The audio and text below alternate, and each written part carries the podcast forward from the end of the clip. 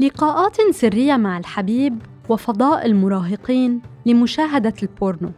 قصص مع دور سينما في عمان. غادة كامل الشيخ. كم من ضحكة دمعة وحتى قبلة احتفظت بها الكراسي الضيقة كأسرار تخص أصحابها فقط. هي كراس ضيقة لكنها واسعة. تحمل كل أشكال المشاعر المجتمعة أمام شاشة لا يهم ما يعرض فيها بقدر أهمية أنهم كانوا أمامها في تلك اللحظات. وكم من مرة نجح الضوء العابر من غرفة التحكم بالصوت والصورة فوق بالتقاط أيادي عشاق المتشابكة في أسفل المقاعد أمام تلك الشاشة. أسئلة تجيب عليها قصص سيدات وشابين من جيلين مختلفين. تحدثت معهن رصيف 22 اختلف ماضيهم في مطارح كثيرة لكن ذكرياتهم اجتمعت أمام بوابات دور السينما القديمة أو سينما أيام زمان في الأردن. أبي فوق الشجرة أو فيلم المليون قبلة هي الأفلام التي ذكرتها ثلاث سيدات تحدثت معهن لهذا التقرير. وكذلك أفلام فريد الأطرش والفيلم الهندي الإخوة الثلاثة وغيرها من الأفلام الهندية وبالطبع الكثير من أفلام الحب والغرام كلها كانت أبرز ما حفظته ذاكرة السيدات اللواتي تحدثت معهن وهن ليس فقط من نفس الجيل بل أيضا صديقات مقربات جدا. كما تحدثت إلى جيل آخر من محبي السينما والذين عاشوا مراهقتهم في دور السينما عمانية متنوعة للإطلالة على قصص مختلفة. قبل أن نبحر في القصص والسينما من المهم الإشارة إلى أبرز دور السينما القديمة التي كانت في الأردن هي الفيومي، زهران، البتراء، بسمان، رغدان، فيرساي، الحسين، فلسطين، عمان والكواكب. وما يقارب 17 دار سينما من بينها الأسماء هذه اندثرت اليوم واستبدلت بدور سينما تتمركز في المجمعات التجارية وتتسابق في عرض أحدث تقنيات عرض الأفلام مع الإشارة إلى أن تمركز دور السينما اليوم مقتصر على العاصمة عمان فقط.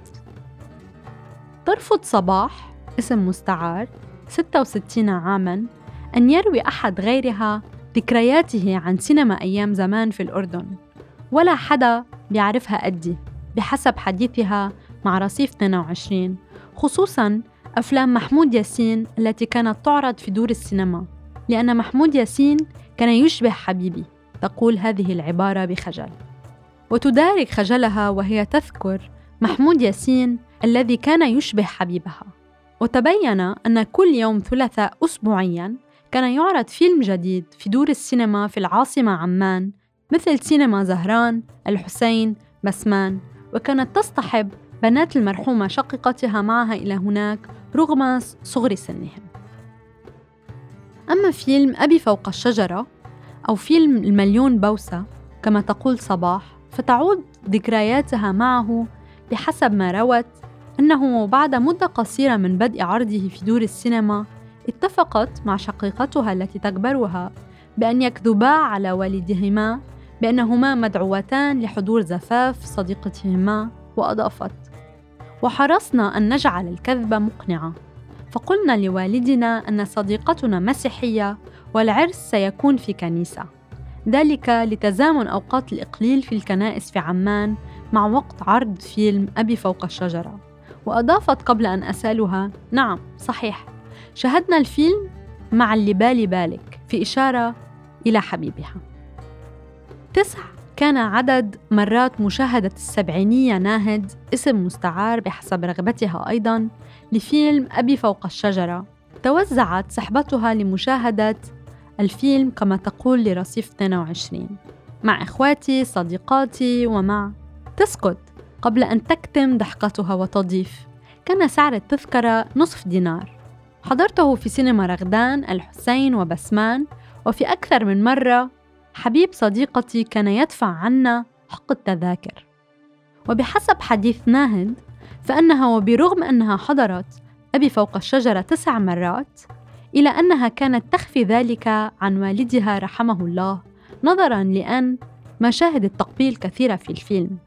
وهو أمر ممنوع بالنسبة لوالدها وتضيف كان والدي عندما يعرض فيلم جديد في السينما يذهب مع صديقه لحضوره. لغاية فحصه.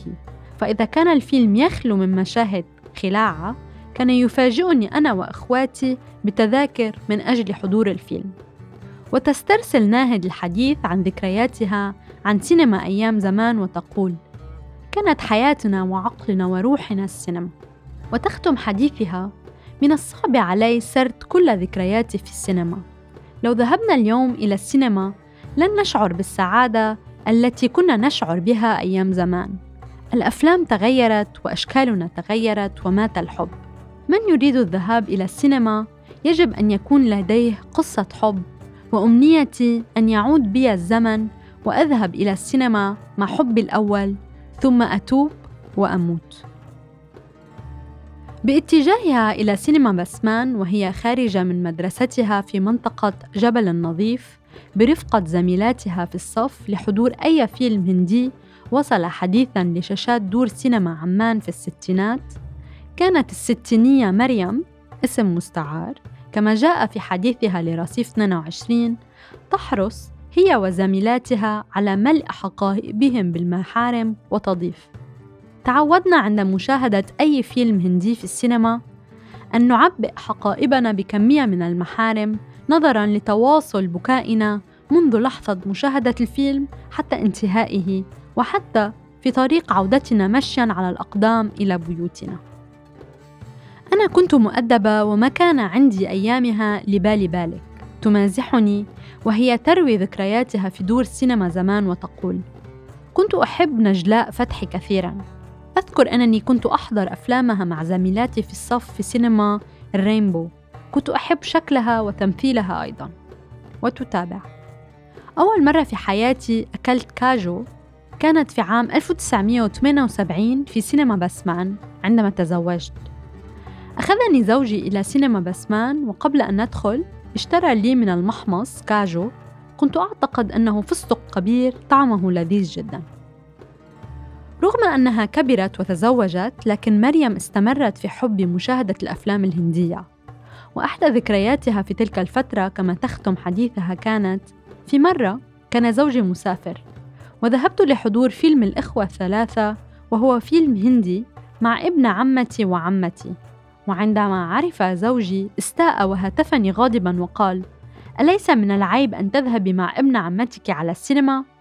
فأجبته أنا مش رايحة رانديفو لا تقتصر ذكريات دور السينما أيام زمان في الأردن على جيل النساء اللواتي تحدثت معهن بل أيضا من راهق في التسعينات له كم من الذكريات لا بأس به مع السينما مثل الشاب الثلاثيني خالد اسم مستعار الذي يعود بنا إلى ذكريات المراهقة خاصته في دار سينما الجميل ويقول عندما كنا نهرب من المدرسة التي كانت في نصف السوق كانت هناك سينما قريبة اسمها الجميل وكان هناك شخص يقف عند الباب. أذكر أن شعره كان كثيفا وفي ساعة معينة تقريبا 12 الظهر يخرج ويصرخ بدا بدا! وفجأة تبدأ حالة تدافع وأزمة على شباك التذاكر.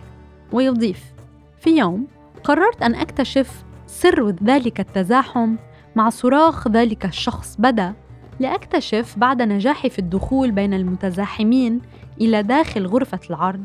أن الفيلم المعروض هو فيلم هندي قديم جدا وبعد فترة من العرض الفيلم يتم قطعه واستبداله بفيلم البورنو. وفي نصف الفيلم يأتي موظف من السينما حاملا ضوء لوكس ويقول بث بث Fine.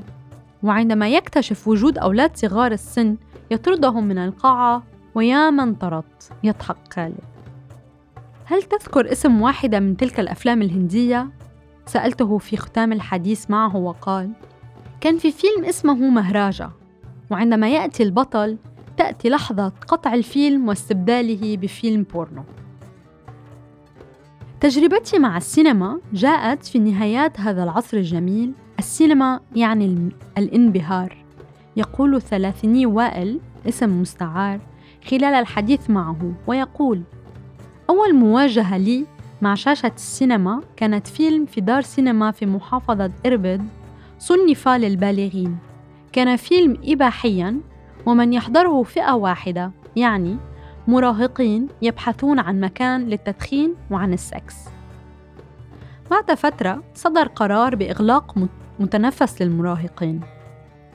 قاصدا دار السينما تلك والتي يصفها أيضا بأنها المكان ويتابع. الذي كنا نقصده حتى نكبح جماح ذاكرتنا البصرية من أفلام البورنو التي كنا نحضرها ويضيف قرار الإغلاق حدث بعد اكتشاف مؤامرة العامل الوافد الذي كان يفتح السينما بشكل سري لي ولأمثالي من المراهقين ويقوم بتشغيل الأفلام إياها. أما سينما عمان التي ارتدها وائل قادما من الشمال إربد فذاكرته معها بحسب سرده. لحقتها في فترة المراهقة المتقدمة عندما أصبحت أكثر جرأة في التعبير عن مشاعري وكنت مثل غيري من جيلي نذهب لحجز المقاعد الخلفية قبل يوم من الحضور مع رافقات قلوبنا للسينما. تلك المقاعد التي كنا نسمع فيها أصوات احتكاك الكفوف وغيرها. ويختم ذكرياته مع سينما زمان. نحن جيل عاصر كل شيء. عصر طابور انتظار السيرفيس من أجل أن نمارس مراهقتنا في السينما. عصرنا أفيش الأفلام القديمة مثل بروسلي وامرأة هزت عرش مصر ويقول اكتشفت السينما بعد انتهائي من مرحلة الإباحية ومصارعة كبت المراهقة. إنها مرآة الحياة حياة عاشقي الحب والحياة.